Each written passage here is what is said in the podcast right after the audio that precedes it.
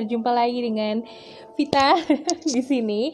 Nah, hari ini kita akan live bareng sama Mbak Zoya Amirin. Beliau adalah psikolog klinis dan juga seksolog. Gitu. Nah, buat teman-teman yang uh, yang apa yang belum tahu soal seksolog itu apa, kita akan tanya-tanya sama Mbak Zoya kira-kira seksolog tuh apa Uh, terus gimana sih belajarnya? Gimana caranya bisa jadi seorang seksolog? Dan seksolog tuh ngapain aja sebenarnya? Ya, Nah, buat teman-teman yang mau tanya, bisa di bawah nih ada kolom yang ada tanda tanyanya, itu adalah kolom uh, question and answer. Terus juga ada kolom komen kalau kalian mau tanya-tanya terkait sama topik kita malam hari ini tentang passionate love to lifelong commitment. Siapa coba di antara kalian yang udah pacaran lama banget, tapi nggak juga diajak nikah? Atau udah pacaran lama banget, tapi kayaknya belum yakin belum yakin nih untuk masuk ke jenjang yang lebih serius lagi atau emang kayaknya enakan pacaran aja ya tanpa tanpa ada tanpa ada apa namanya tanpa ada komitmen yang lebih dekat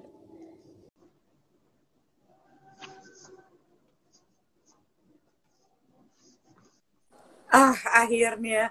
Kak. Kok dari tadi kenapa ya? Ini mungkin ya, mungkin si install Instagram live-nya tuh ikutan deg-degan kayak aku deg-degan hari ini. IG live bareng bahasanya jadi dia ikutan cemas. Aku kayak di depan gitu dari tadi gini. Kok nggak live live ya? Iya, iya padahal padahal yang menanti-nanti nih yang ngefans aku tapi saya ikutan Gimana ya kabarnya? Good, terima kasih. Hari ini sibuk ya Mbak kayaknya. Tadi aku sempet sepintas nonton ada IG Live juga tadi oh, sore. Oh iya, uh, sama ini sama-sama kolega gitu, uh, sama-sama mm -hmm. psikolog klinis kita ngomong tentang uh, intimate ya. Biasa kan mm -hmm. lumayan kan buat pengalaman. Mm -hmm. Sebenarnya sih jadi nyambung juga ke sini. Iya iya, iya bisa pas gitu ya Mbak. Uh, uh, saya biasanya tuh suka ngaturnya tuh gitu gitu kalau lihat oh ini judulnya segini itu juga uh -uh. kalau bisa uh -uh. Jadi ada ada serinya gitu kan enak iya, gitu iya, iya. udah nonton live iya. saya yang tentang intimate relationship mm -hmm. terus ke sini mm -hmm. ini kan lanjutannya kalau intimate mm -hmm. itu udah dijalankan terus mau ngapain gitu di sini mm -hmm. which is good Seru banget, senang deh. Mbak Zoya sebelumnya makasih banget loh ya. Kita belum pernah bertemu langsung, tapi Mbak Zoya sangat baik sekali, very humble, mau mau ikutan ngobrol bareng Kak saya. Jadi Kak saya Care ini tuh kayak platform psikoedukasi gitu loh Mbak. Oh, oke. Okay. Ya, uh, kita niatnya kepengen banget kepe bikin tempat di mana teman-teman tuh bisa curhat sama kita juga, -huh. terus itu juga uh, psikoedukasi yang gratis gitu buat teman-teman semua karena mm-hmm. ya kan kita tahu ya Mbak kadang-kadang banyak teman-teman yang kayaknya mau ke psikolog tapi ngerasa pertama mahal terus yang kedua aduh cocok nggak ya? gitu. Nah kalau misalnya mulai dari kayak gini mungkin nggak sama kak saya tapi sama Mbak Zoya gitu. Jadi kita merangkul merangkul banyak psikolog supaya bisa bergabung uh, dan bersinergi sama kak saya. Thank you banget ya Mbak. Iya sama-sama.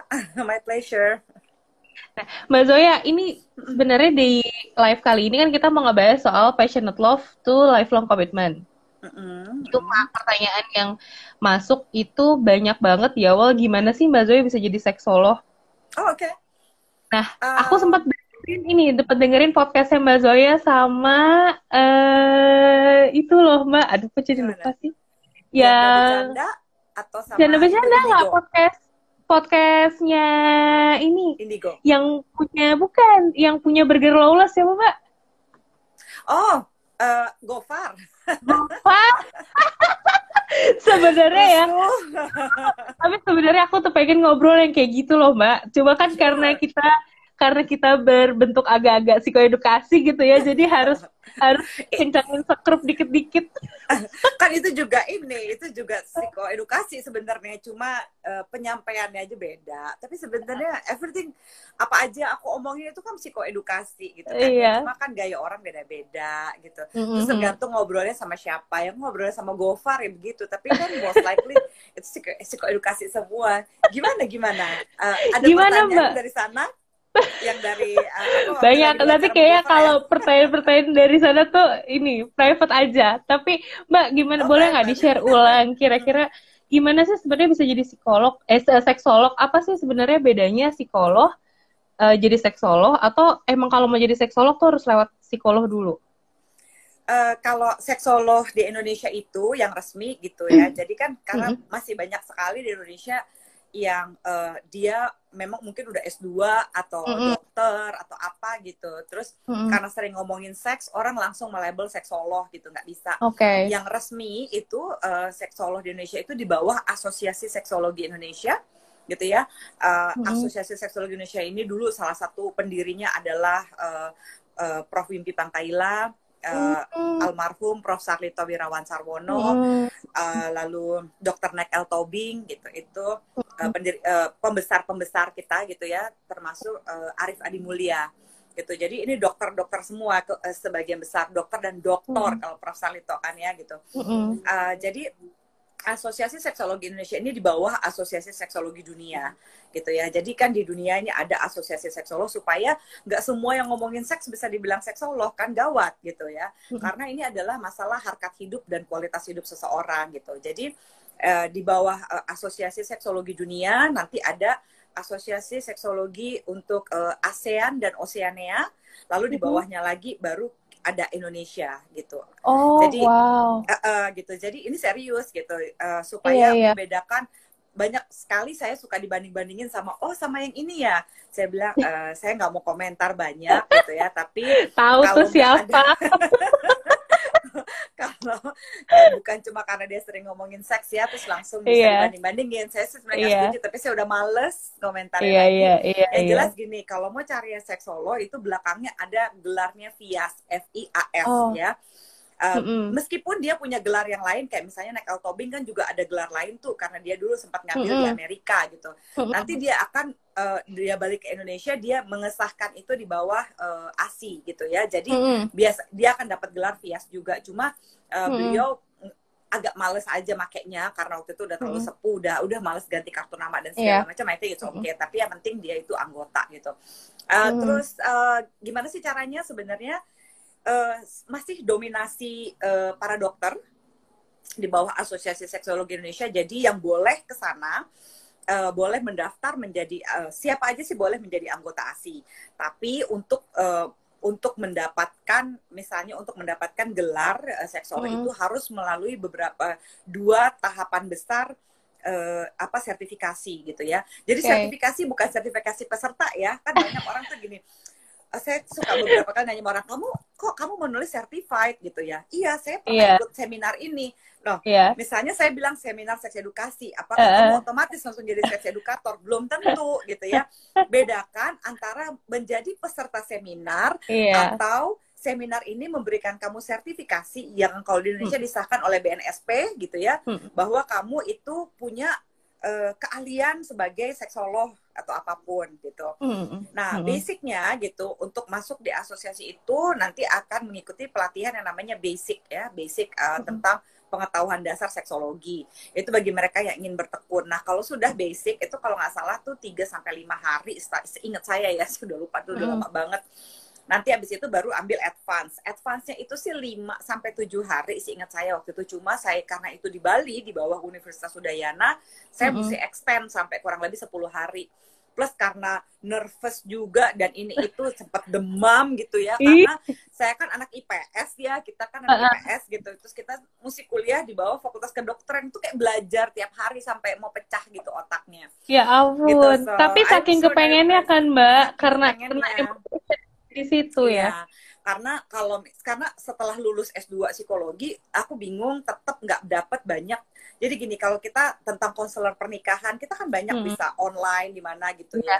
Yes, online di mana terus bisa bisa dapat sertifikasi online kan sekarang hmm. apalagi pas hmm. zaman Covid kayak begini. Hmm. Mau dari Amerika yang paling mudah yeah. biasanya Singapura kita ngambilnya gitu hmm. kan ya yang bagus lah gitu. Hmm. Terus kalau kita lihat lah uh, apa namanya uh, kita ambil sertifikasi dan segala macam itu oke, okay. tapi kok kenapa dikit banget gitu pengetahuan tentang seksualitas gitu itu sih. Yeah. Nah pas waktu itu aku masuk kelas perilaku seksualnya Mas Ito, waktu mm -hmm. lagi aku mau bikin skripsi makanya skripsi aku tuh berhubungan dengan perilaku seksual gitu mm -hmm. nah terus Prof Salito bilang Zoya nanti kamu ambil S2 mesti ngambil klinis ya Hah? Mm -hmm. gitu kan ya terus ya Yus nih mas gitu kan ya iya kamu harus ambil itu uh, kalau bisa kamu jadi seksolog aja apaan tuh mas gitu. eh, omongan tuh kayak doa ya mbak ya akhirnya beneran. aku nggak pernah mimpi jadi dosen nggak pernah. Mm-hmm. apalagi seksolog nggak mungkin yeah, lah gitu. yeah. cita-cita menjadi seksolog ya enggak lah gitu. Cuma pengen jadi psikolog aja gitu ya kan. Mm-hmm. karena uh, aku pikir kalau jadi psikolog kayaknya nggak akan kehilangan pekerjaan. Karena ini kan berhubungan dengan manusia gitu. Selama ada manusia pasti kami dibutuhkan. Kan gitu ya. Mimpinya simple banget gitu. Itu gara-gara uh, pas lagi aku di Atma Jaya uh, itu sempat dengar kuliah umumnya uh, itu Profesor Dr. Fuad Hasan cuma ngelihat beliau terus bilang gini satu hari gue nanti at least akan ada di panggung seperti beliau gitu. Aduh, oh. gitu banget deh. Jadi makanya terharu banget pas lagi uh, uh, dari Atma Jaya tuh 94 gitu ya. Uh -uh. Terus aku 97 keluar karena diterima di UI. Terus aku uh, ke uh, pindah ke UI gitu. Terus uh, abis itu malah jadi kerjasamanya uh, begitu udah udah lulus S1 uh -uh uh, masuk lembaga penelitian psikologi terus ketemu sama Mas It, uh, jadi anak buahnya Mas Ito itu mm -hmm. Prof Sarlito sama ya ini uh, apa juga beberapa kali e-learning pertama kali di UI itu kan Pak Fuad gitu. Nah, aku yang jadi asistennya tuh kayak yang oh my god, starstruck yeah, yeah. gitu. Rasanya apa tuh? Gitu. Gemeter kali ya, kayak IG tadi nggak punya. kayak nervous banget kayak wow gila Pak Fuad gitu.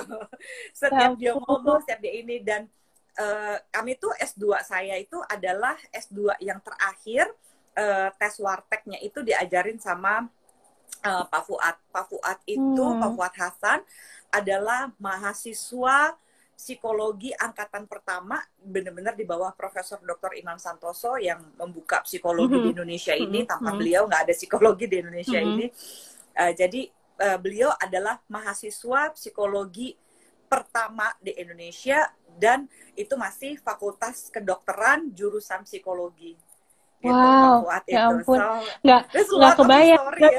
bisa ngebayangin aku jadi Mbak Zoya di atas itu udah basah oh,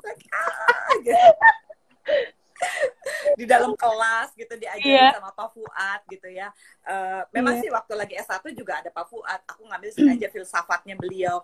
Kalau masuk mm. kelas beliau tuh nggak uh, apa namanya rugi kalau telat. Dia sih cuek aja mm. orang mau telat bagaimana. Tapi mm. dia udah mulai ngajar. Dia akan nulis mulai dari papan terus nanti di kursi ntar di mana. Dia akan jalan-jalan gitu. So you need to be really fokus gitu. Jadi nggak bisa mm -hmm. lu baca buku sambil gini-gini dengerin dia ngomong itu rugi abis. Mm -hmm. Jadi apa pun yang akan dipelajari minggu ini gitu ya kan udah ada silabusnya baca aja dulu. Nanti ke sana bener-bener dengerin dia. Aduh kalau udah ada handphone yang secanggih ini ya waktu itu tuh gue rekam tuh kayaknya kuliah tuh kayak oh my god keren abis. Jadi bener-bener jadi seksolog tuh perjalanan yang panjang ya mbak, mulai dari iya mimpi, sih kepengen ada di depan situ. Tapi kok bisa pas banget kuliah di nggak kebayang sih asiknya belajar belajar uh, tentang seks gitu ya ilmu uh seks edukasi di Bali gitu. Kayak tempatnya tuh udah di udah dibikin se seenak itu jadi kita juga bisa mengeksplor ya Pak maunya sih mengeksplor tapi karena sakit dan demam gitu ya. Iya, semua iya. temen dokter tuh kayaknya kalau bisa apotek mau dibawain tuh ke gue tuh. Zoya minum obat ini Zoya minum obat ini I just eat everything that they gave me. Eh, they care pokoknya gitu ya. yang penting sehat ya mbak. lulus. Iya iya. Yang penting sehat dan bisa lulus saat itu. Gitu. Nah, ini tuh kita sekarang nih jadi lagi jadi geng galau nih mbak. Banyak uh -uh. yang pacaran lama. Kawin sih tapi nggak dinikahin. Terus habis itu yang uh, kayaknya siap banget gitu ya buat pacaran bener-bener siap banget sampai uh, sekarang kan ada tuh banyak Tinder, Bumble ya segala macam platform gitu ya. Yes. dicoba dapet terus oke okay, uh, eh, one night stand tapi habis gitu off. Kira-kira apa sih Belum mbak? yang maksudnya ghosting ghosting nyebelin banget nah, ya. ah, kan banyak tiba-tiba hilang gitu ya. Oh HP-nya hilang. Ya tiba-tiba kayak gitu. gimana sih mbak? Kan topik kita nih dari passionate love ya. Ke lifelong. Sebenarnya passionate love tuh apa sih? Passionate doang sama passionate love tuh sama apa beda? Oke, okay. Kalau misalnya uh, secara hmm. karena kita psikologi ya, kita mesti pakai hmm. uh, ini teori dong, basic teori hmm. yang uh, jelas ya. Uh, uh. Of course Steinberg ya nggak sih? Uh -uh. Gitu. Kita uh, Steinberg itu uh, mengatakan ada tiga kan, ada, ada ada tiga pilar gitu ya untuk kita bicara uh, tentang psychology of love. Cinta itu selalu berawal dari passionate ya, dari passionate lalu kita masuk ke intimate, dari intimate kita masuk ke commitment gitu. Nah kita maunya sih lempeng begitu ya sejajar urusannya. Tapi drama yang paling besar itu adalah dari passionate ke intimate. Okay. Most likely kalau udah masuk intimate itu relatif sekali lagi relatif lebih mudah untuk masuk ke uh, masuk ke komitmen. Hmm. Cuma hmm. the tricky part yaitu adalah passionate. Passionate love itu selalu berhubungan berurusan dengan uh, cinta yang menggebu-gebu. Gitu. Jadi itu yang memang bikin kita wah kelepek-kelepek gitu ya. Iya, uh, iya. Losing our ground kadang-kadang ya. Kita udah punya ciri-ciri. Uh, pokoknya gue hanya mau sama cowok yang begini-begini begini. Cewek mm -hmm. yang begini-begini begini gue mau. Tapi namanya mm -hmm. cinta gitu ya. Ini juga jadi pembelajaran buat semua orang. Cinta itu kayak jalangkung. Aduh. Dia datangnya nggak pernah diminta, perginya juga kita nggak pernah tahu. Iya, iya. Ya.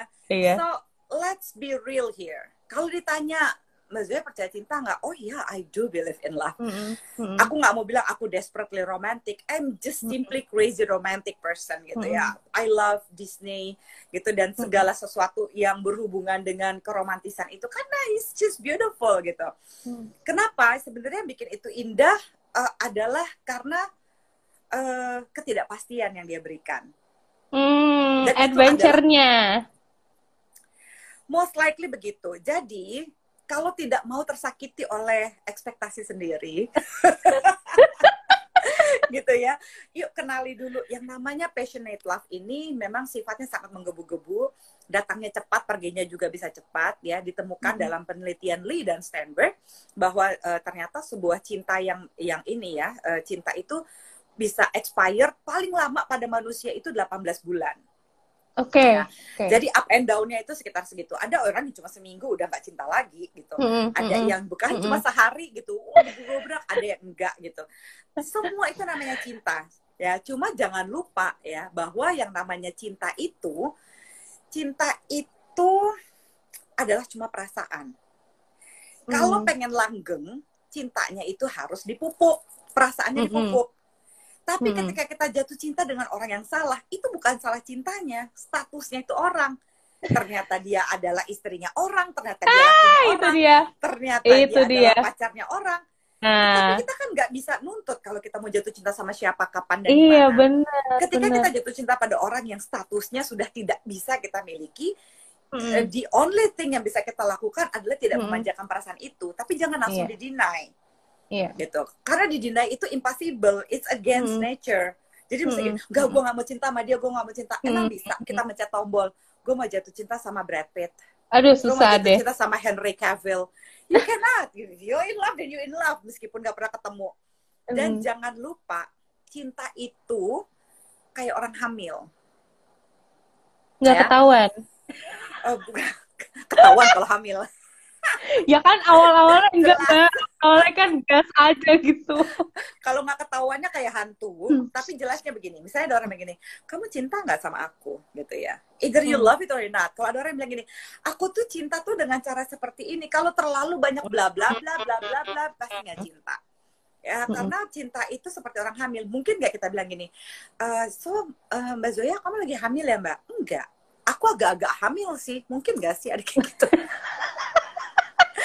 either you're pregnant or not mungkin gitu ya. iya mungkin ada yang bilang Mbak Zoya hamil ya? Apa siapa hamil? Enggak gila kemarin gue udah mens gitu. Langsung panik tuh.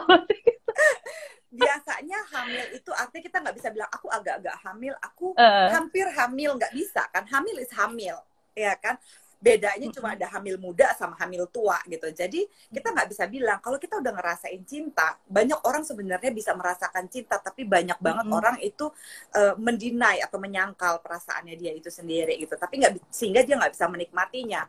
Nah pada masa-masa passionate ini biasanya orang-orang mm -hmm. sangat menggebu-gebu kan gitu. Dia ngerasa kayak ngelihat genteng rumahnya aja udah bahagia gitu ya mm -hmm. uh, kayak ada gantungan baju di giginya tuh bawahnya ketawa terus bahagia gitu terus um, apa pun yang berhubungan dengan si objek affectionnya ini bisa bikin kalang kabut. Nah, kalau kamu sedang dalam konteks ini gitu ya, ini sebenarnya disebabkan oleh PEA enzim yang ada mm -hmm. di tubuh kamu membuat otak kamu euforia sehingga menghambat oh. yang namanya oh. executive judgment atau prefrontal cortex kita. Mm-hmm. Inilah yang menyebabkan kenapa suka dibilang cinta itu buta. Betul, cinta yeah. itu buta mm-hmm. karena pada saat PEA enzim itu nyerbu, kita jatuh cinta, kita kelepek-kelepek gitu. There's a lot of oxytocin in our body. Most likely mm-hmm. kita tidak bisa menentukan baik buruk benar salah pada yeah. saat itu. Iya, Makanya yeah, yeah. memang cukup adil ketika Tuhan itu membuat paling lama orang pernah jatuh cinta 18 bulan. Kalau enggak nggak ada mm -hmm. bisa kerja, nggak bisa ngapa-ngapain, ngelamun aja udah bahagia gitu ya. Gabut gitu bahagia gitu kalau orang jatuh cinta but it's okay gitu ya. Nah, pada saat dari tahap passionate love ini menurut Steinberg ketika kita akan masuk ke tahap intimate di situlah saatnya hmm. kita itu berproses semua kejadian yang indah yang ada di sini ya yang ada di um, passionate love itu hmm. adalah modal ketika kita masuk masa intimate ya. Oke. Okay. Inti, intimate ini benar-benar sangat-sangat mempengaruhi kita itu untuk jadi intimate itu bukan cuma seks seperti yang saya udah live tadi jam uh, eh, 4 sore ya bersama mm -hmm. dengan Mbak Nuran. Di situ intimate ini adalah tentang bagaimana saya secara sadar in my conscious gitu ya, saya mau menerima kejelekannya ini orang karena kalau pada saat masih passionate love, aduh kita mah masih berbunga-bunga, ya. Semuanya juga, misalnya istilahnya kotoran juga rasanya kayak coklat gitu ya. Yeah, yeah. Everything is so beautiful and so grand. Gak apa-apa, itu memang adalah momennya. Nah, pada saat momen momen the truth itu adalah pada saat intimate. Kebanyakan hmm. orang itu menjadi penjahat kelamin, menjadi yeah. F, F boy nanti uh -uh. di net gitu ya menjadi f-boy gitu ya uh, atau uh, ketika dia menjadi playboy atau apa pun mm -hmm. itu gitu ya atau ya playgirl juga bisa gitu mm -hmm. ya laki ataupun perempuan jadi ketika dia uh, mereka-mereka yang stuck di masa ini ya biasanya akan susah mempunyai relationship yang lebih sehat okay. karena kan enak masa ini jatuh cinta iya. terus begitu iya. cintanya hilang dia cari orang baru terus cari orang baru. Nah, buat kamu-kamu okay. yang selalu ada di posisi ini, hanya mencari kesenangan di sini, sampai mampus juga kalian akan susah punya relationship Tuh, yang dengerin. Karena enak banget kan rasanya. Iya, enak When namanya. Got hard. Bahasanya tuh namanya EEP, Mbak. Ewi-ewi persahabatan. Enak-enak Jadi ewi-ewi persahabatan. Makanya gitu. Nah, pada saat ini of course enak gitu ya. Tapi sekarang pertanyaan pentingnya hmm. adalah kamu mau apa? Ya. Hmm. Kalau memang kamu cuma mau one night stand, uh, uh, I'm not judging, oke? Okay? Kalau kamu mau one night stand, oke. Okay. Kamu mau friends with benefit juga boleh. Kamu hmm. mau uh, sex body aja gitu, oke. Okay.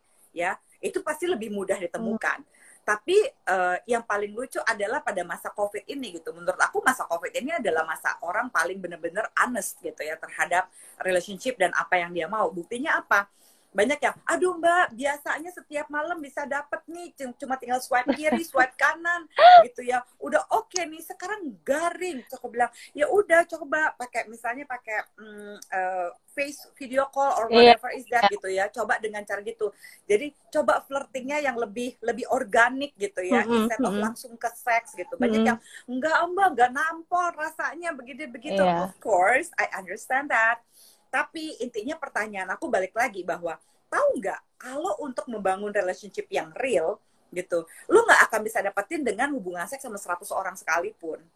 Hmm. So what? Hmm. Ya kan? Intinya kan bukan cuma pada hubungan seks yang tidak bermakna ini gitu. Intinya adalah oke, okay, hubungan seks boleh untuk tahu tapi gimana uh, kalau misalnya kita cari dulu kesesuaiannya dulu gitu misalnya hmm. aku mau cari tahu gue cocok nggak sama lo jadi sebelum hmm. kita jump into bed untuk tahu kita sexual compatibility apa enggak ini bagi mereka yang mau tahu kecocokan ya gitu yang mau tahu kecocokan mm -hmm. seksual boleh tapi yang merasa saya mau jaga keperawanan dan keperjakan sampai menikah mm -hmm. juga boleh selalu mm -hmm. ada cara tenang aja tapi kalau bagi mereka yang memang nggak mbak saya nggak mau beli kucing yeah. dalam karung saya harus tahu pasti bahwa dia enak apa enggak yeah. kalau saya nggak yeah. mau oke okay, fine itu bisa dilakukan dengan cara kita itu cari dulu kesesuaiannya dia secara perilaku gitu. Ada nggak mm -hmm. perilaku dia dia nggak akan ganggu gitu ya. Semakin banyak kecocokan semakin baik. Tapi kalau misalnya terlalu orang bilang oh kita tuh opposite attract. Kita nggak akan mm -hmm. bosen. Hati-hati loh dalam intimate relationship susah kalau terlalu banyak perbedaannya perbedaan yeah. usia yang terlalu jauh, baik lakinya atau perempuannya, uh, perbedaan tingkat pendidikan, itu faktor-faktor dinamis perceraian sebenarnya mm -hmm. gitu. Mm -hmm. Jadi yang satu satu S2 gitu, yang satu cuma D3 gitu misalnya. Agak susah loh untuk ngimbanginnya. Mm -hmm. Atau sama-sama mulai oh sama-sama lulus S1, sarjana oke okay, gitu ya. Mm -hmm. Eh terus di dalam perjalanan yang satu menimba ilmu terus, yang satu stuck itu juga susah loh gitu untuk iya. bertahan. Yeah. Nah, intimate itu memang butuh effort butuh effort untuk menerima kekurangan. Nah, baru kita bisa masuk ke si komitmen. Jadi kalau hmm. misalnya mau ditanya sekilas, Mbak, masih ada nggak sih tuh happily ever after? Ada, gitu. Orang yang happily ever after adalah orang yang mau melakukan never ending adjustment. Hmm. Saya kemarin sama sekarang saya berubah. Ini saya abis ini juga saya berubah. Pasti kan kita dapat. banget denger never ending adjustment ya, Bu ya. Allah. So ya, ya ngurus kan? never ending adjustment. Aku yeah. juga ini pasti aku akan berubah karena pas dari pertanyaan-pertanyaan yang ada di sini, mm-hmm. when I met you gitu, mm-hmm. pasti ada sesuatu yang kita pelajari baru kan tentang betul, orang, betul, tentang betul. apa pun gitu. Nah, mm-hmm. kita kan harus bisa bisa adjust setiap hari. Kompromi hmm. boleh, cuma yang bisa hmm. bikin uh, kisruh dan riuh adalah gini, misalnya uh, lima kali kejadian, ya, hmm. lima kali kejadian, kamu empatnya kompromi, satunya mm. adjustment itu akan mm. punya at least mm. setidak-tidaknya minimal dari lima kali kejadian dua kali kamu adjust tiga kali kompromi mm masih bisa hidup. Kalau kebanyakan mm kompromi hidup lelah. Kompromi itu kayak gini. Ya udah deh ya aja deh yang kalau kamu bilang begitu dapat dari yeah. itu kompromi. Ditahan mungkin gak terus kompromi, ya mbak. Uh, uh, tapi nggak mungkin gak ada kompromi dalam relationship. Mm Bohong kalau sampai dia bilang enggak, I can do that. No bullshit ya itu nggak akan mungkin totally. Nothing bohong aja. Adjustment itu adalah gini oh iya ya pendapatnya dia oke juga. Sebenarnya hmm. kalau gue nggak dengerin ego gue dia juga nggak ada niatan jahat sih kalau gue ikutin iya, gitu. iya. ya kan? Gue iya. oke deh gitu kita jalanin idenya dia. Toh kalau salah kita tanggung sama-sama. Itu adjustment. Kadang-kadang itu enggaknya belakangan mbak. Udah meledak dulu. Kan? Udah hmm. meledak eh gitu tiba-tiba eh bener juga ya. Iya emang. Tapi yang penting kan kita belajar. Oh iya yeah, kemarin gue egonya di sini. Kalau ada topik itu lagi kita mesti lebih hati-hati. Karena pada saat kita lagi marah kita nggak akan mungkin inget itu of course gitu ya. Mm-hmm. uh, jadi yang harus kita ingat adalah apa sih potensi yang akan bikin gue cranky nih gue marah nih gitu misalnya. Mm. nah itu ketika di topik itu muncul lagi kita harus lebih hati-hati. Oh, gue pasti akan sensi nih sama topik ini nih, hmm. gitu. Jadi uh, let me cool down. Kalau gue marah, gue akan minta pause. ya kan? Mm -hmm. eh, kita pause dulu boleh nggak? Gue mulai emosi nih gitu. Gue marah for some reason. Gue gak tahu kenapa. Gue perlu cooling down dulu. Kalau gue ada enakan, boleh nggak kita ngomong lagi? Tapi termasuk izinkan pasangan kita juga untuk cooling down kalau terlalu emosional buat dia, ya dong, gitu. Iya, It's iya, only fair gitu istilahnya. Nah, kalau buat mereka-mereka yang terus gimana dong mbak? Tapi kan kita juga senang. Iya gini loh. Uh, ketika senang bersenang-senang gitu one night stand ya friends with benefit uh, sex body dan sebagainya. Tapi kalian kok kenapa nggak dapat dapat pasangan yang oke juga karena mm. memang mudah untuk mendapatkan pasangan yang seksnya enak. Tapi sekali lagi mereka-mereka yang seksnya enak gitu ya itu tidak menentukan akan menjadi pasangan yang ideal nantinya Tunggu Mbak, di stop dulu diulang lagi. di luar sana kan. Tuh dengerin, ulang lagi. Right. Jangan dibalik gitu. Kalau relationshipnya enak, relationshipnya asik, udah bisa berkomunikasi, bisa berantem yang sehat, dapat yang seksnya enak, itu rezeki. Mm.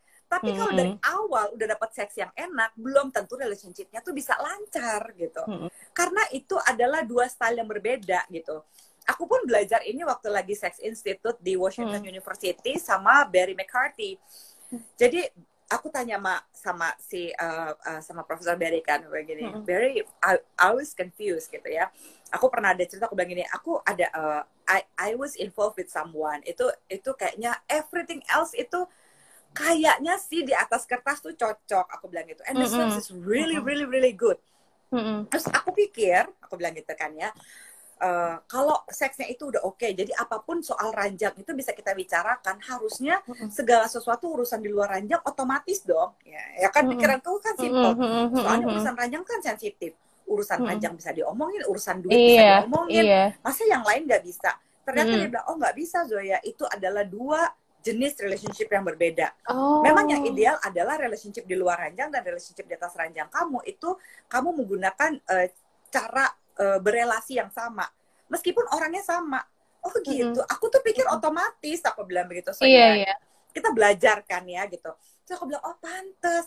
Aku pikir harusnya otomatis ternyata tidak gitu. Jadi uh, sex is important but it's not everything nggak bisa mm -hmm. ketika aduh udah mau putus nih gimana caranya ya supaya dia tetap mau sama aku lagi? Aku kasih seks banyak banyak eh kok dia pergi juga ya? Mm -hmm. kok seksnya udah enak banget? Kok dia tetap nikahnya sama yang lain ya? Gitu. Karena hati-hati ketika kita itu menggunakan seks sebagai cara untuk memanipulasi ya orang lain mungkin tidak bisa mengartikulasikan seperti misalnya karena uh, kami udah ahli gitu ya karena hmm. kami adalah uh, bekerja di mental health mungkin kami lebih hmm. peka terhadap perasaan hmm. kami bagi orang-orang yang nggak peka bukannya mereka nggak bisa merasakan loh mereka bisa merasakan but they cannot really nail it mereka tuh nggak bisa benar-benar mengungkapkan gitu ya bahwa kok gue kayak di seksnya sih enak ya tapi kok gue kayak yeah. bisa cuma kita saling pakai doang kayak kita yeah. cuma saling uh, ini aja ya kayak kayak ada yang kosong ya, mbak kayak ada yang kosong tapi gue nggak ngerti apa gitu yeah. ya iya. kayak ada something wrong but I don't really understand what's really going on nah gitu itu gitu yang akan it, hmm. it's gonna be problems kan gitu sehingga jangan pernah memanfaatkan seks untuk mempertahankan relationship gitu ya. Tapi kalau misalnya dari dalam pernikahan juga nggak bisa tuh menggunakan yeah. seks sebagai senjata atau kalau wah kalau nggak ada seks nggak apa-apa lah kan yang penting kita saling sayang begini begitu nggak mm -hmm. bisa. Kalau menurut Stanberg tanpa seks juga tanpa passionate love ini juga akan kosong gitu ya. Yeah. Jadi mesti ada lah keseimbangannya cintanya ada komitmennya jelas intimate-nya juga ada persentasenya bisa naik turun tapi nggak apa-apa iya. itulah yeah. indahnya relationship gitu apalagi bagi mereka-mereka ya yang merasa uh, aku nggak mau sakit hati. Pokoknya kalau nah. relationship, aku mesti cari orang yang tidak menyakiti aku. Ya sampai bumi ini udah nggak ada lagi, kalian nggak akan bisa dapet. Eh, eh orang seks aja kadang-kadang ada sakitnya ya mbak gitu so mesti dicari gitu kayak misalnya yeah, yeah. Uh, nggak bisa masuk dalam relationship berharap bahwa tidak akan disakiti. Yang penting carilah pasangan yang tidak dengan sengaja menyakiti kita dan bisa diajak ngomong. Kita nggak harus tiptoeing, kita nggak harus yang sembunyi-sembunyi di belakang dia gitu. Kita hmm. kita bisa mengungkapkan ketidaknyamanan kita gitu dan berproses. Karena mau ada psikotes apa pun yang menunjukkan kecocokan kamu semua di atas kertas, hmm. pada dasarnya ya jodoh itu 50% di tangan Tuhan, 50% lagi di tangan kamu. Bener. Iya sih. Itu iya banget loh, Mbak. Ya kan, jadi jangan iya. pernah bilang gitu ya. Ada beberapa artis yang suka bilang begini kalau lagi bercerai atau putus, ya mungkin uh, Tuhan sudah menentukan jodoh kami berdua tidak seperti ini. Lah dengan Tuhan gitu ya.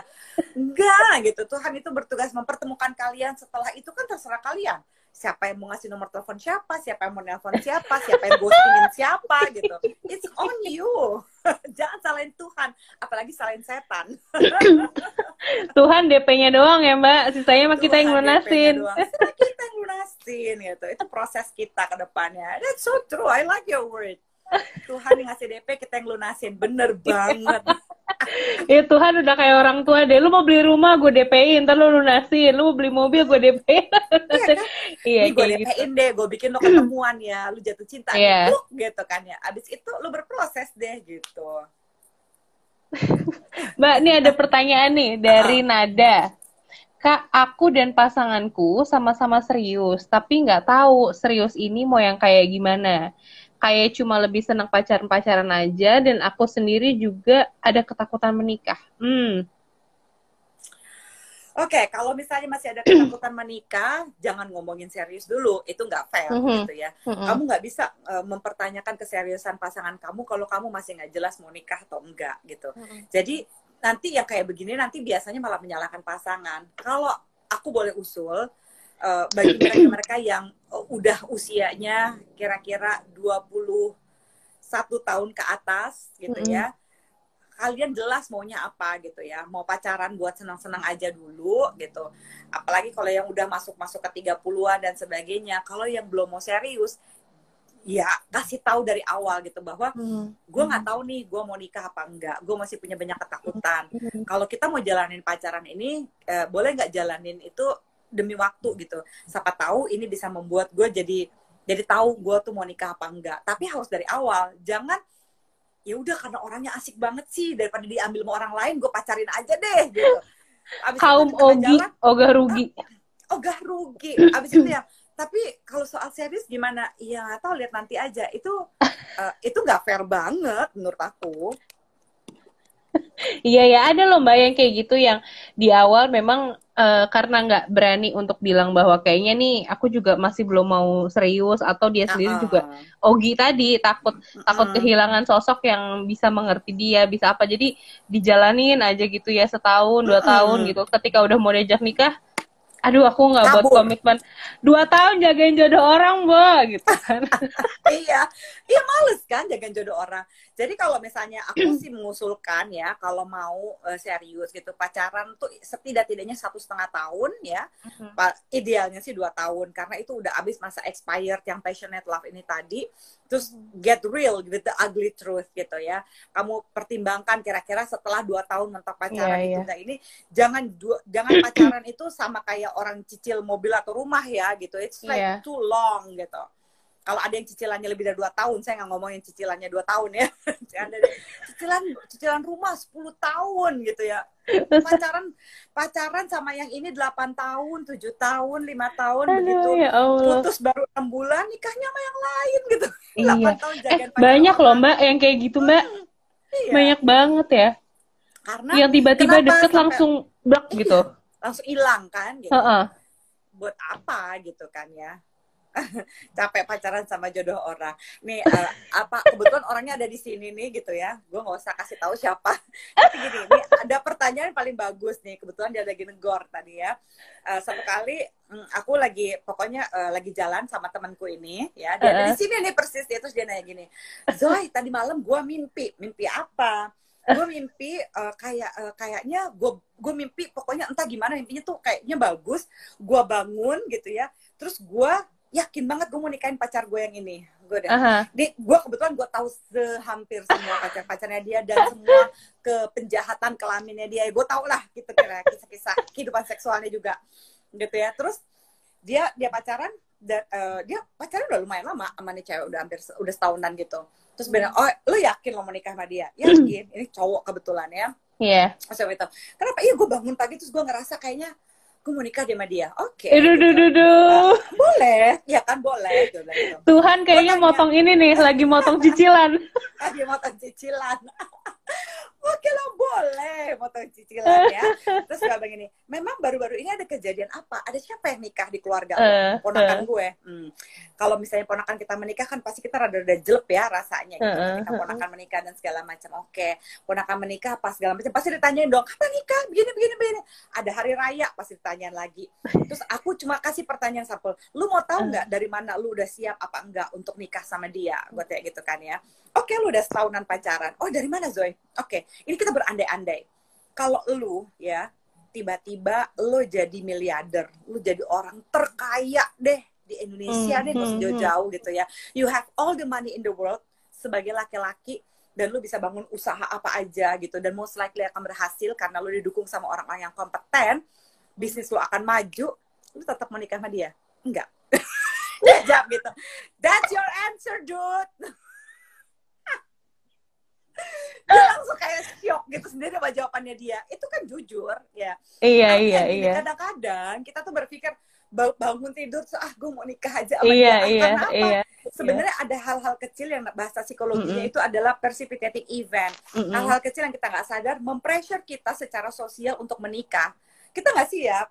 Itu juga bukan pilihan yang terbaik sebenarnya. Pilihan yang ada sama kayak aku bilang kadang-kadang Mr. Right now belum tentu Mr. Right ya kan hmm. kita maunya Mr. Right tapi ternyata dia cuma buat Mr. Right now untuk saat yeah. ini iya, aja yeah. gitu so don't settle for less ya Uh, bukannya kita nggak boleh pilih-pilih, kayak milih bawang aja kita ke supermarket aja kita pilih-pilih ambil cewek. ambil hmm.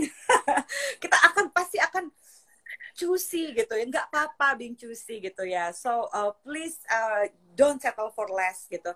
Kalau kamu uh, belum merasa nyaman kamu belum merasa bisa saling memberi dan menerima gitu ya sama orang ini uh, tapi jangan lama-lama dipacarin juga ya. Kalau misalnya udah tahu bahwa enggak deh kayaknya sampai mau gimana juga gue yeah. akan nikah sama lo gitu ya. Yeah. if things goes right atau gimana pun juga gue nggak merasa uh, apa bukan karena dia jelek aja cuma atau jelek atau karena dia jahat atau apa segala macam. Kadang-kadang sama orang baik sekalipun kalau kita memang nggak merasa jodoh kan juga boleh aja gitu why not hmm. gitu. Benar kan kan ini kita ngebahas yang udah pacaran terus nggak mau nikah apa masih bingung buat nikah gitu ya. Tapi ada yang ini nih ada Z friends sama sama dia dia bilang kakak kakak kalau PDKT udah lama tapi nggak pacaran pacaran gimana ya kak I feel you, gue tahu banget tuh rasanya. Biasanya kita nunggu karena kita suka banget sama itu orang, uh, kan? Uh, to save you from uh, apa ya, untuk menyelamatkan diri dari kesakitan-kesakitan tidak perlu dan ekspektasi yang galau gitu ya. Uh, Sebenarnya aku pernah melakukan ini ada dua cara aku pernah melakukannya gitu ya. Hmm. iya hati-hati tuh jadi teman rasa pacar bener tuh. Males banget jadi teman rasa pacar. Atau nggak jadi Sebastian sebatas teman apa tuh? Pastian eh yang lagi hamil jangan namain anaknya Sebastian loh ntar dia ghosting ghosting ya. Gitu jadi kalau misalnya udah lama kayak gitu ekspektasinya kalau aku sih gini aku aku ketika aku dalam posisi itu gitu ya psychologically aku tahu mm-hmm. jawabannya apa aku akan memilih dua mm-hmm. kalau aku suka banget mani orang aku akan bilang sama dia gitu ya karena aku perempuan aku akan bilang gini eh gue tuh suka banget ternyata sama lu ya gitu uh, maksudnya beberapa waktu ini kayaknya gue ngerasa de- deket kita tuh asik lu bikin gue ketawa and I think you're also mm-hmm. fun gitu ya so uh, gue suka sama lo nih. Jadi kalau lo juga suka sama gue please do something about it gitu ya. Gue apa gue pengen tahu gitu. Jadi gue taruh gue taruh ini di tengah lah gitu istilahnya. Jadi gue lihat dia mau usaha apa enggak. Kalau dia nggak melakukan apa-apa oh gue udah tahu jawaban gue berarti mm. lo nggak mau sama gue ya gitu. Nah laki-laki kebetulan untung laki yang gue tembak ini emang sempat shock gitu ya terus abis itu nggak dia shocknya shock karena emang kaget mbak Zoya ngomong apa shock anjir gue keduluan gitu tuh yang mana uh, kayaknya sih kaget karena gue ngomong karena apparently dia nggak nggak berani pacaran sama gue entah karena oh. beda agama atau karena yeah, yeah, apa pun yeah. itu gitu ya ya gue juga nggak bisa kan kalau misalnya mungkin dia merasa terintimidasi tapi kan gue nggak bisa menduga-duga kalaupun dia merasa terintimidasi ya bagus juga kalau dia bilang enggak daripada gue pacaran iya. sama orang terus dia ngerasa rendah dari gue nah kan, iya kan cowok-cowok kan. cowok-cowok inse tuh males kan mbak Iya gitu. Iya. Nggak apa-apa rezeki juga sih. Tapi setidak-tidaknya gue udah bilang sama dia. Karena kalau gue sebel sama orang, gue bilang masa gue naksir gue nggak bilang? Kan gitu ya. Dia sebagai gini soy gue tuh shock banget sebenarnya. Aduh gimana ya? Gitu. Ih nggak apa-apa gue bilang gitu. Cuma gue nggak bisa temenan langsung sama lu. Kayaknya gue udah mulai pengen kepoin lo gini gitu kayak gue tahu deh gitu gue suka gitu. So ya nggak apa-apa. Kalau lo nggak suka gue juga nggak mati sih. Thanksin tapi ya gue nggak apa-apa. Gue gitu gitu. Cuma kasih gue waktu ya untuk bisa temenan biasa lagi sama dia. Memang abis itu temenannya nggak bisa seakrab dulu tapi gue lega gitu. Yang penting iya, kita udah iya. pernah sama-sama tahu gitu ya. Aduh gue tuh gak ada yang ditahan lagi. Ya uh, gitu. Itu satu. Tapi buat yang nggak berani gitu ya hmm. bisa jadi caranya yang kedua gitu ya. Kalau gue misalnya gue suka tapi gue masih bisa handle gitu ya perasaan suka gue biasanya gue kasih waktu. Oke kalau kita gini-gini terus jangan nembak gue sampai paling lama enam bulan deh kalau gue gue nggak tahan okay. lebih dari situ kayaknya. Oh nggak. Lama mbak. gue sih tiga bulan ya waktu itu. Gue nggak tahan enam bulan tuh kelamaan dapat yang lain. Kalau gue tiga bulan itu gue akan kasih kasih waktu dia. Cuma selama tiga bulan ini gue juga tetap kalau ada yeah. yang ngajak kencan gue tetap jalan Oh, tetap ya kan kebuka gak, ya? Iya, rugi juga iya. kan. iya. Ini Mbak yang nanya tadi kebuka nggak ya? Kalau didiemin aja nungguin gitu ya Allah, kasihan Iya, iya. Kasih waktu gitu. Kamu mau tahan berapa lama? Cuma pada iya, saat iya. kamu nunggu, jangan jangan tutup kemungkinan buat sama kencan hmm. sama cewek lain atau cowok hmm. lain itu rugi hmm. banget. Ini bukannya kita kayak, wah gue nungguin gini-gini. Kalau misalnya memang, oh gue udah suka sama dia dan dia juga intens gitu sama kita hmm. gitu ya, oke. Okay gue juga ada sempat satu waktu di mana satu bulan yo eh gue nggak kencan sama siapa-siapa dulu deh. Gue kayaknya suka nih sama dia nih gitu mulai serius. Itu aku nggak kencan sama siapa-siapa jadi aku tolak kencan yang lain untuk fokus sama dia. Tapi sebulan ini terus tiba-tiba dia ngilang dia begini begitu oh ya udah. Berarti aku anggap casual lagi langsung seret gitu. Iya. oh, aku serius aku uh, aku melihat ada potensi yang cukup bagus tapi ya alas kalau menurut aku sih nggak ada orang yang cukup sibuk ya kalau emang dia suka apalagi laki. Laki tuh pasti ngejar. Iya. Kalau dia suka dia pasti ngejar. Karena laki adalah makhluk hunting menurut Helen Fisher kan. Iya kalau gue seminggu dia bilangnya sibuk terus gitu. Terus ini yeah. itu iya. ini itu. Gue bilang ya udah lu tahu nomor telepon gue ya. Nggak mungkin juga lu tiba-tiba mati nggak bisa nelfon gue. Nah. jadi ya hantu. nggak pakai mati mbak. Kalau sekarang cowok itu kalau zaman dulu dia mati dulu baru jadi setan. Sekarang langsung jadi setan. Langsung jadi Emang, setan iya, pakai mati loh. Ini bener banget loh. Langsung Terus udah gitu kan sekarang kan lagi zamannya work from home ya. Hampir uh, mungkin kan handphone habis uh, baterai atau apa gitu. Iya, jadi lebih klise iya, lagi oh, alasannya. oh, oh, banget. Uh, uh, sebut gue enggak lah lo emang cuma pengen ini aja. Berasa oh my god deket sama Zoya. Udah gitu kali ya Mbak, Bisa jadi gitu. Mbak ada yang kepo nih, bedain Mr. Right Now sama Mr. Right Future tuh gimana? Uh, gini, kalau laki-laki gitu ya, uh, mereka itu kan adalah orang yang goal oriented ya. Kalau mm -hmm. mereka misalnya bener-bener ngerasa secure dan aman gitu ya sama kamu, dia nggak akan nyoba yang aneh-aneh. Kayak misalnya kamu belum siap untuk seks. Meskipun kamu sebelumnya juga melakukan hubungan seks sama mantan pacar kamu, dia nggak akan maksa kamu untuk melakukan yang kamu tidak nyaman sekarang gitu ya. Dan nggak akan maksain waktunya. Dan dia akan berusaha segala cara untuk mengimpress kamu gitu ya. Hmm. Terus udah gitu dia nggak pakai kayak uh, TST gitu, nggak kayak tahu sama tahu kayak misalnya kita kan udah dekat berarti kita pacaran, enggak. Kalau misalnya dia adalah benar-benar Mr. Right ya, right for the futures, dia akan uh, kasih intensinya secara jelas. Laki tuh nggak bisa gitu, apalagi kalau dia udah suka sama seseorang gitu ya. Sedia pemalu kayak apa pun gitu, dia akan usaha untuk memastikan iya. lo gak didapetin sama orang lain. Iya. Gitu. dia pasti akan jelas, eh aku mau dong ini, uh, aku mau uh, apa sih namanya uh, akan merencanakan hal-hal yang misalnya eh enam bulan lagi gue ada kerjaan ke sini. Kita mau nggak jalan-jalan ke sini? Uh, ini ada ada apa ada ada komik terbaru nih bakal datang gitu ya. Misalnya Mas Panji bakal show bulan Oktober. Kita kita lagi deket dong nih sekarang. Eh dia udah beliin tiket buat nonton Panji Pragiwaksono akhir tahun. Eh berarti kan ada wah lu akan berencana untuk terus tetap sama gue. Kalau saya ngeliatnya gitu. Tapi kalau misalnya lu penasaran banget jangan baca kode-kode eh, Da Vinci juga sih. Bisa aja hmm. kamu bilang ini kayaknya gue memang pengen sesuatu yang serius dan I think I like you. Kira eh, kira-kira kita akan saling kenal untuk pacaran supaya bisa nikah atau tujuan lo apa? Hmm. kebanyakan cowok yang memang mau serius biasanya dia akan bilang iya. Hmm gitu. Dia akan oh iya gitu. Gue mau gue mau kenal lu lebih lanjut. Kalau misalnya kita cocok gue pengen pacaran sama lu gitu. Dan segala macam gitu. Itu nggak nggak ngekat ininya dia kok gitu. Hmm. ada banyak banyak banget cowok yang akhirnya sampai menikah karena dari awalnya dia udah stating gitu. Dan ceweknya juga yeah. jelas gitu. Tapi kan bukan yang eh kalau lu nggak nikahin gue dalam waktu sekian bulan itu ngajar aduh ada loh mbak. Banyak banget yang kayak gitu. Kasus-kasus kayak gitu kan yang uh, udah udah kebelet banget gitu kepengen nikah cowoknya udah mulai goyang goyang goyang goyang udah proses persiapan segala macem cold fit malah jadi bubar iya iya gitu karena kebanyakan kalau cowok tuh akan jawab iya aja apalagi kalau dikasih hmm. timetable enggak lu mesti ngomong iya. sekarang kayak begini karena rencana hidup gue begini begini gini loh iya. kalau kamu punya timetable sendiri punya timeline sendiri hmm. punya uh, apa namanya deadline sendiri terutama deadline deadline-nya disimpan aja Oke, okay, kalau gue kasih waktu dia untuk memperbaiki dirinya selama enam bulan atau tiga hmm. bulan hmm. atau sebulan. Dah pada selama sebulan ini gue nggak melihat tanda-tanda apa-apa sama dia, ya udah, gue akan back off. Gitu.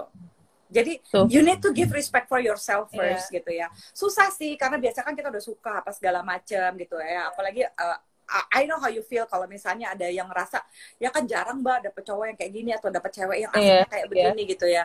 Iya mungkin memang belum jodohnya sama dia gitu kita nggak main lu kurang jauh aja kali gitu right daripada kita ngeblocking uh, calon yeah. uh, ini calon yang benar-benar cocok sama kita dan yang bisa timbal balik karena hmm. ngejar orang terus itu melelahkan loh gitu ya. Hmm. Maksudnya cowok juga adalah makhluk yang biasanya hunting dan ngejar dan sebagainya gitu ya. Tapi kalau misalnya uh, dia juga tidak mendapatkan respon yang sesuai atau dia diinjek-injek, direndahkan, itu juga jangan gitu ya jangan lupa para cowok gitu ya carilah calon istri bukan hanya yang bagus bakal jadi ibunya anak-anak ya. Mm-hmm. Kalau Anda mau mencari calon istri biasanya oh aku mau yang religius yang yang bisa jadi ibunya anak-anak. Jangan lupa bayangkan dia diranjangnya juga kayak apa. Jadi yeah. mau cari yang soleha, jangan lupa juga cari yang solehot. Tapi kayak ibu kayak ibunya anak-anak kan menyusui Mbak, mungkin pas juga gitu kan. ya terus nanti abis itu nggak bisa bedain nama ibunya sendiri gitu. Aduh ya. aduh. banget dah. Iya ya Mbak Zoya gitu. ini kita udah tinggal 10 menit lagi. Mbak oh, Zoya iya kan? Kita bikin lagi Mbak. Kayak yes, ini tema-tema tema-tema yang kayak gini nih cucok banget buat teman-teman tadi ada yang bilang live-nya bikin nyindir-nyindir. Iya, kita emang hobinya nyakitin hati yo. tapi kita ngasih kita ngasih yang pahit-pahit dulu di depan iya iya lo iya dan lo happy seterusnya iya gitu. iya kita kan ngasih apa ngasih ugly truthnya ya kalau kehidupan ya gitu. iya karena kalau misalnya tadi ah sekarang lagi ada ini ya udah jalanin aja dulu kalimat jalanin dulu aja tuh aku sebel banget loh denger ya karena karena ih kayak nggak ada yang lain gitu maksudnya kalau kayak, mungkin saling kenal dulu boleh lah gitu uh, uh, kayak kita mencari pemak kita memaklumi gitu kita kayak mm-hmm. udahlah lu kasih aja Zoe ini aja begini yeah. ngapain yeah. gitu ya nanti kita marah sendiri lu udah gue bela-belain udah gue tungguin buat dia uh, siapa yang nyuruh tungguin ya, Bo? Gue juga gak pernah minta ditungguin, bukan? Ya nungguin air matang, Pak. Abis itu kita tersakiti oleh ekspektasi kita sendiri down sometimes yeah. expectation is a bitch gitu ya kayak gitu. So. Just Ayo Mbak, pesan-pesan buat kita semua nih, kaum kaum kaum kaum yang jomblo, yang tadi takut buat ngomong soal cinta, gimana sih caranya bisa uh, yakin sama apa yang kita rasain, kemudian bisa kita sampaikan ke pasangan biar nantinya uh, bisa ah. masuk ke tahapan yang lebih tinggi. Oke. Okay uh, penting untuk kita mengupgrade diri kita menjadi versi yang terbaik ya. Ketika kita hmm. akan berkencan, bawalah energi positif bahwa ya gue mau terbuka ya, gue mau menerima cinta dan gue mau memberikan cinta. Vibration itu bener-bener didengar loh sama hmm. universe gitu. Hmm. Dan aku selalu percaya terhadap five five baik gitu ya. Kalau kayak setiap aku live aja ini kan sama seperti ketika aku mau kencan, aku belum tahu ini kan kencan buta istilahnya kan aku mesti membawa yeah. all the positive energy bahwa yeah. ini akan baik gitu ya. Aku nggak yeah. tahu gimana dia, tapi aku mau berharap yang terbaik. Mungkin aku bisa belajar sesuatu dari dia. Mungkin aku bisa lebih tahu tentang cinta dan syukur-syukur dia akan jadi jodoh gitu. Dan jangan lupa ketika akan pergi berkencan, be your best self. Jangan ah aku apa adanya terus lecek-lecek gitu rusuh. Enggak dong gitu ya. Be your best self gitu ya. Kalau misalnya kamu bayangin ya, eh, kira-kira kalau kamu jadi orang lain, maukah kamu berkencan dengan diri kamu? Apa sih kualitas-kualitas yang bisa kamu berikan? Jangan cuma berpikir yeah. nanti gue mau cowok yang kayak gini biar dia bisa ngasih gue ini. Gue pengen cewek yang kayak gini supaya dia bisa yeah. ngasih gue ini. Lo ngaca dulu. Ngaca dulu. Kalau kencan sama lo gimana rasanya? Kalau masa kencan sama lo lo ngerasa, aduh ya aku gak ada apa-apa mbak. Yeah. Ini udah ini dong fix yourself jadi diri lo yang terbaik gitu ya kalau lo passionate lo juga akan narik orang-orang yang sama asiknya buat lo gitu be positif Dah. jadi satu jam IG live sebenarnya intinya cuma dua kata mbak ngaca dulu. Oh, ngaca dulu. Sumpah bener. Satu jam ini uh, terima kasih 64 orang sampai tadi 80 orang yang udah menonton. Kalian cuma sebenarnya sampai di konklusi bahwa ngaca dulu gitu. tapi tapi ngaca dulu tuh maksudnya gak cuma ngaca bahwa kita tuh kayak gimana dan kita butuh apa kita pengen punya pasangan kayak apa ya. Tapi sebenarnya ngaca tuh kita butuh pasangan tuh yang ngelengkapin kita tuh yang kayak gimana sih sebenarnya yes, kayak gitu. Yeah. Jadi, jadi jadi bisa saling kenal, jadi bisa tahu karena tahu kebutuhan kita, jadi kita tahu nih mau ngapain. Misalnya uh, ada apa butuhnya apa gitu biar klop. Dan jangan lupa relationship itu kayak te, kayak meja makan ya. Kamu ah, itu akan naruh apa di meja makan itu pasangan kamu akan naruh apa jadi jangan selalu berharap bahwa kekurangan yeah. kamu akan di iniin sama dia nggak begitu yeah. jadi yeah. taruhlah makanan di meja makan gitu ya hmm. yang kira-kira kamu nggak usah manggil eh ayo makan sama gue ayo makan sama hmm. gue nggak usah begitu hmm. gitu kalau misalnya kamu udah mempersiapkan itu di dalam meja relationship ini orang akan datang karena tertarik sama apa yang kamu tawarkan dan karena nah. kamu apa adanya. Gitu. Bener, belajarlah sama pagi sore berarti Mbak Zoya. Sediain aja semua di iya. depan kan. Bebas. Mbak Zoya, kita kapan sih pandemi selesai? Kita harus ketemu lah. kita harus ketemu, kita mesti iya, iya. bikin langsung ya. Mesti iya, bikin ya YouTube aku ya. Pokoknya satu, dua, dua yang kita pelajari guys hari ini. Yang pertama adalah uh, belajarlah ngaca, yang kedua adalah belajarlah banyak sama pagi sore. Karena ya udah sediain aja, terserah dia mau ngambil yang mana. Jangan-jangan mungkin memang sesuai sama yang kita punya dan mungkin kita juga butuh sesuatu dari yang dia punya. Gitu. Ya, yeah, exactly. Arangnya Mbak Zaya, makasih banyak. Sama-sama. Aku Sama-sama. tahu hari ini Mbak Zaya padat banget tapi tetap nyempetin buat ngobrol bareng sama kita. Nah, buat teman-teman nanti IG live-nya di save di Instagramnya Kak Saya Care terus nanti juga ada di podcast. Kita lagi gaya nih Mbak bikin podcast biar kayak Mbak Zoya. Keren-keren. kita live part kedua ya Mbak ya. Nanti kita diskusi lagi topik-topik. Nanti aku iniin waktunya ya. Kita siap. sama. Thank you so much Mbak Zoya. Sama-sama I love you.